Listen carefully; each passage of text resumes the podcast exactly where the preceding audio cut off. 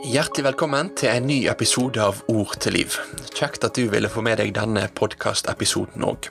Vi fortsetter Abrahamshistorien, men, men før episoden starter, så vil jeg nevne én liten ting for deg. Nå skal jeg snart spille inn en sånn spørsmål og svar-podkast om eh, ord til liv. Jeg skal se om jeg får tatt den opp i bilen. Det blir kanskje litt annerledes, men eh, det er iallfall et nytt konsept jeg har lyst til å prøve meg på. Litt sånn eh, på kjøreturen hjem, der jeg prøver å svare på spørsmål som de har kommet med. Takk til deg som har tatt kontakt. Hvis du har spørsmål knytta til Abrahamshistorien, denne teksten eller andre tekster, ta kontakt med meg, så skal jeg prøve å, å svare på dem når jeg i løpet av ei av de kommende ukene skal spille inn en sånn spørsmål og svar-podkast. Så ta kontakt på sosiale medier, eller skriv en mail på otl.alfakrøllp7.no om det er noe du vil ha svar på om Abraham. Men nå er det tid for dagens episode.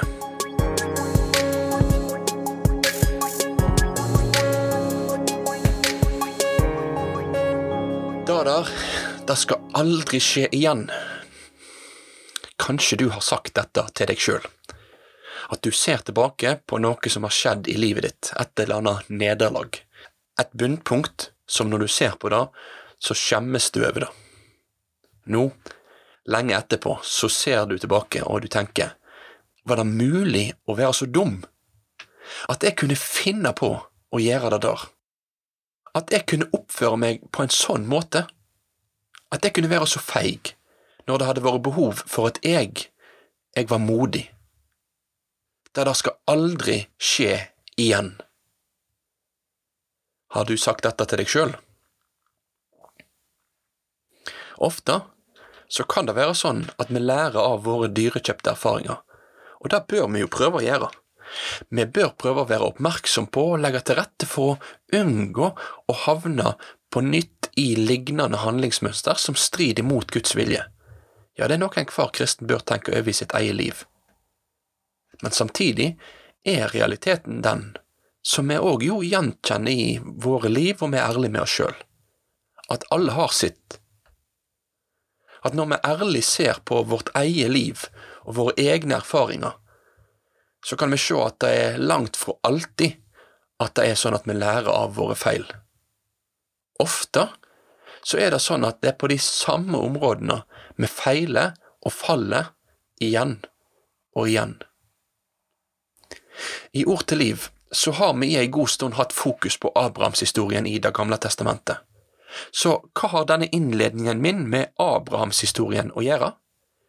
Jo, saken er jo den at når vi nå i Bibelen leser om ulike mennesker, så kan vi se hvordan menneskelivet blir framstilt fullstendig usminka. Trushelten Abraham som seinere i historien blir omtalt som Guds venn, og som er rettferdig i Guds øye. Han var òg en mann som hadde sitt. Og I denne episoden så skal vi se på hvordan Abraham nok en gang bukker unna for menneskelig feighet i møte med ei potensiell fare, og hvordan Gud nok en gang griper inn for å redde dagen. Vi skal lese sammen ifra Første Mosebok kapittel 20. Abraham drog videre derifra til Negev og slo seg ned mellom Kadesh og Sjur. Siden bodde han som innflytter i Gerar. Abraham sa om kona si Sara, Hun er søsteren mi. Da sendte Abimelek, kongen i Gerar, både og henta Sara. Men Gud kom til Abimelek i en drøm om natta og sa til han, Nå skal du dø på grunn av kvinna du har tatt, for hun er kona til en annen mann. Men Abimelek hadde ikke vært nær henne, og han svarer, Herre, vil du virkelig drepe rettferdige folk? Han sa da til meg, hun er søster mi, og sjøl har hun sagt, han er bror min. I god tru og med reine hender har jeg gjort dette. Da sa Gud til han i drømmen, Jeg òg veit at du har gjort dette i god tru. Det er jeg som har halde deg fra å synde mot meg, derfor let jeg deg ikke røre henne. La nå mannen få att kona si, for han er en profet, han kan be for deg så du får leve. Men gjør du det ikke, da skal du vite at du må dø, både du og alle dine. Tidlig neste morgen sto Abimelek opp og kalla til seg alle tjenerne sine og fortalte dem alt dette. Da vart mennene svært redde. Så kalla Abimelek Abraham til seg og sa, Hva har du gjort mot oss? Og korleis har eg synda mot deg, siden du har late så stor ei synd komme over meg og riket mitt? Du har gjort slikt mot meg som ingen bør gjøre. Abimelek sa til Abraham, Hva meinte du med å gjøre dette? Abraham svarer, Jeg eh, tenkte, eh, på denne staden fins det ingen gudsfrykt, de kommer til å drepe meg på grunn av kona mi. Eh, dessuten er det sant at hun er søster mi, hun er datter til far min, men ikke til mor mi, og hun vart kona mi. Den gangen Gud let meg dra omkring langt borte fra huset mitt til far min, sa jeg til henne, slik skal du vise din kjærlighet til meg, hvar vi kjem skal du si at jeg er bror din så tok Abimelek både småfe og storfe og tjenere og tjenestekvinner og gav Abraham, og let han få att Sara, kona si. Abimelek sa, Her ligger landet mitt åpe framfor deg, slå det ned hvar du vil. Til Sara sa han, Sjå, her gjev jeg tusen sjekel sølv til bror din. Dette skal være som et slør for auga til alle som er sammen med deg, med det får du full oppreising. Abraham ba til Gud, og Gud lekte Abimelek og kona hans og slavekvinnen hans, så de kunne få barn. For Herren hadde stengt hvert morsliv i huset til Abimelek på grunn av Sara, kona til Abraham.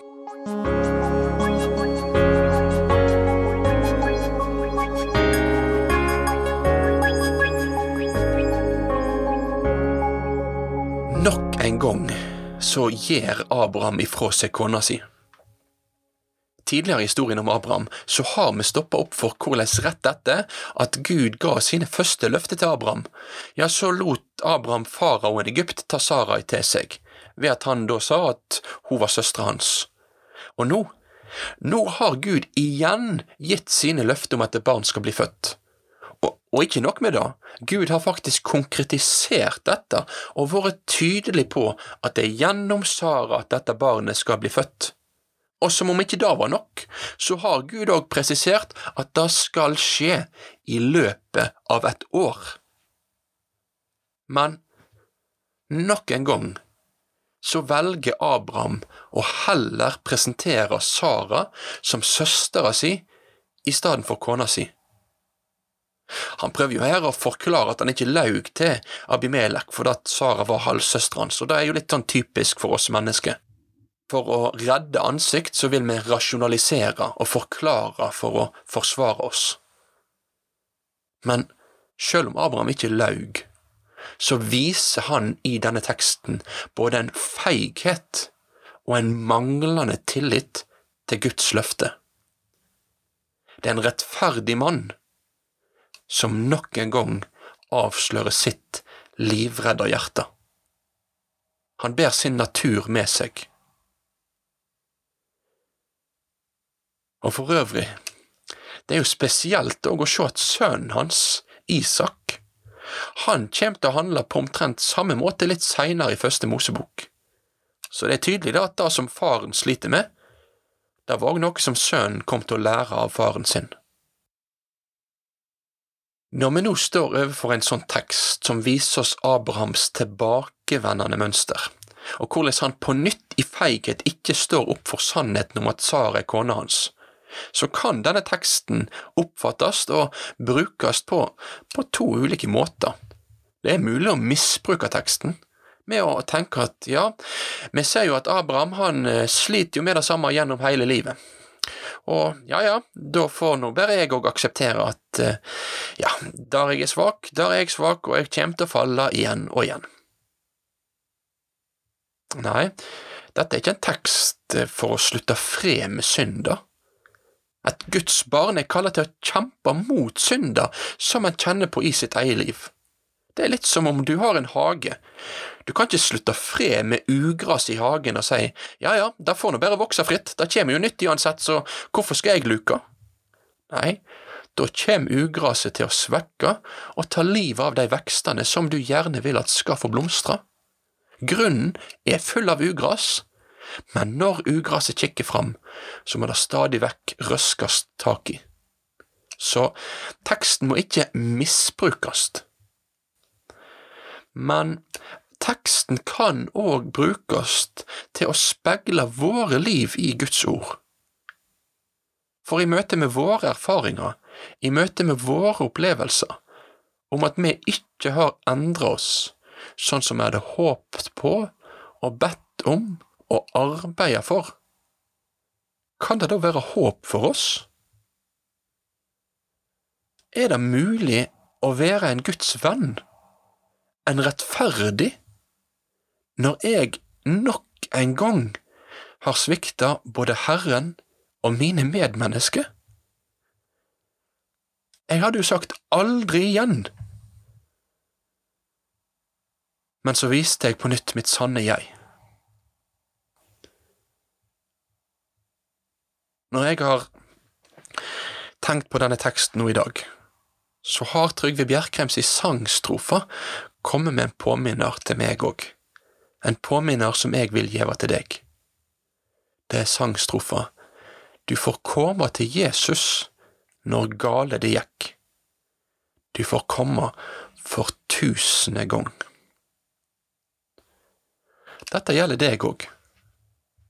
Om det har gått gale med deg, så er det fortsatt nådetid.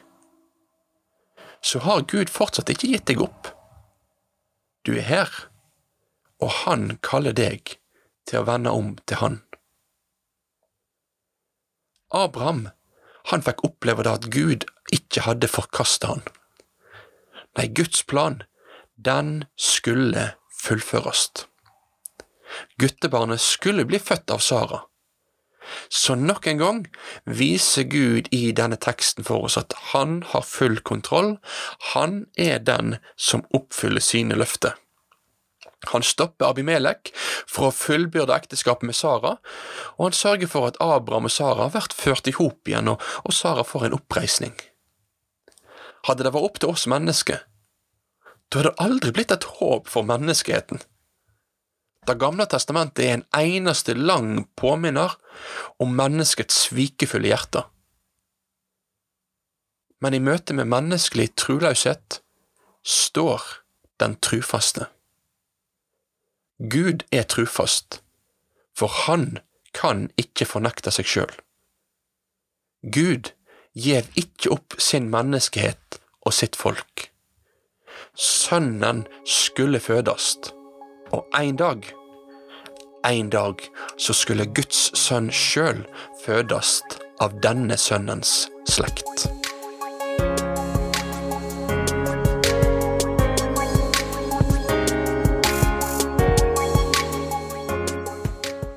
Med det sier jeg tusen takk for at du har valgt å få med deg denne Ord til liv-episoden. Jeg håper den har vært nyttig for deg å lytte på.